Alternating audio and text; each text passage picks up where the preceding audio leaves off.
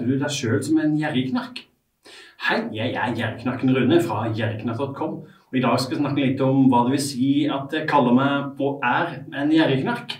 Mange oppfatter ordet som negativt lada, men det er ikke nødvendigvis korrekt. Nordmenn har ofte rare forestillinger om hvordan det er å være en gjerrigknark. Noe som dessverre også fører til at mange ikke vil innrømme overfor familie og venner at de er nettopp det. Det finnes nok av tabuer i Norge, men å være en gjerrigknark burde ikke være noe tabu, syns jeg. Det er bra for både deg sjøl og andre at det finnes mange gjerrigknakker i Norge. Hvordan bør du gå frem på å fortelle andre at du er en gjerrigknark? Opp gjennom åra har mange spurt meg hvorfor jeg insisterer på å kalle meg gjerrigknark, når jeg heller kan si at jeg liker å spare, er nøysommelig, er sparsommelig osv. Til det svarer jeg som oftest at selve ordet gjerrigknark, med den negative klangen som det automatisk gir, er perfekt for å skape debatt og få folk til å tenke over sitt eget forbruk og eventuelle misbruk av lommebok og bankkonto. Siden år 2000 har jeg drevet nettstedet gjerreknark.com, som samler tips og triks til hvordan man blir en gjerreknark ved å benytte seg av husholdningstriks, delta i konkurranse, få gratis vareprøver og ellers utnytte alle gode tilbud som handelsnæringen dytter ut for å hevde seg i markedet. Både nettstedet mitt, eh, Facebook-sida og min opptreden i andre sosiale medier fungerer som et fristed for alle oss som elsker å spare penger. Og det er ikke så rent få.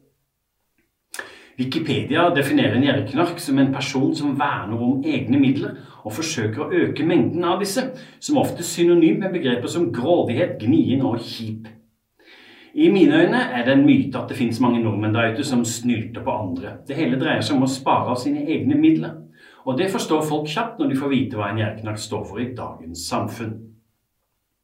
Her forleden spurte en følger meg om hvordan man kan fortelle andre at man er en gjerrigknark, uten at folk tenker at man nødvendigvis er fattig. Det var et veldig godt spørsmål som fikk meg til å tenke følgende. 1. Jeg er en gjerrigknark fordi jeg er miljøvennlig. Noen tror en gjerrigknark kun tenker lommebok og gir blaffen i miljøet, men det er overhodet ikke tilfellet.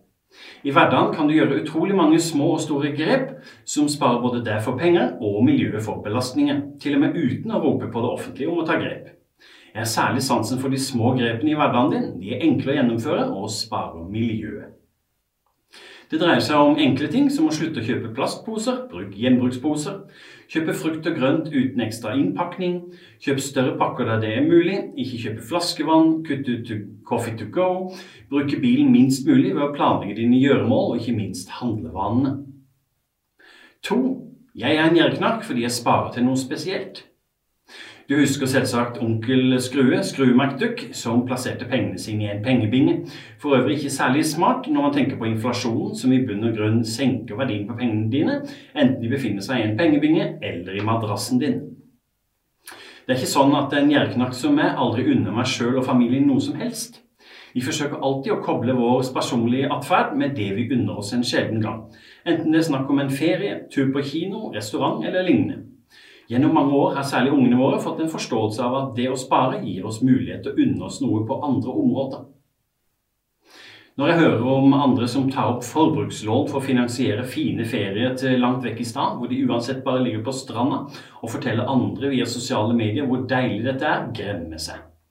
Når jeg vet at sparingen i heimen vår gir oss muligheten til å reise på ferie en gang iblant, får jeg derimot en mye bedre følelse. Tre. Jeg er en gjerrigknark fordi jeg ikke vil gi unødig med penger til firmaer og andre som tyner folk flest.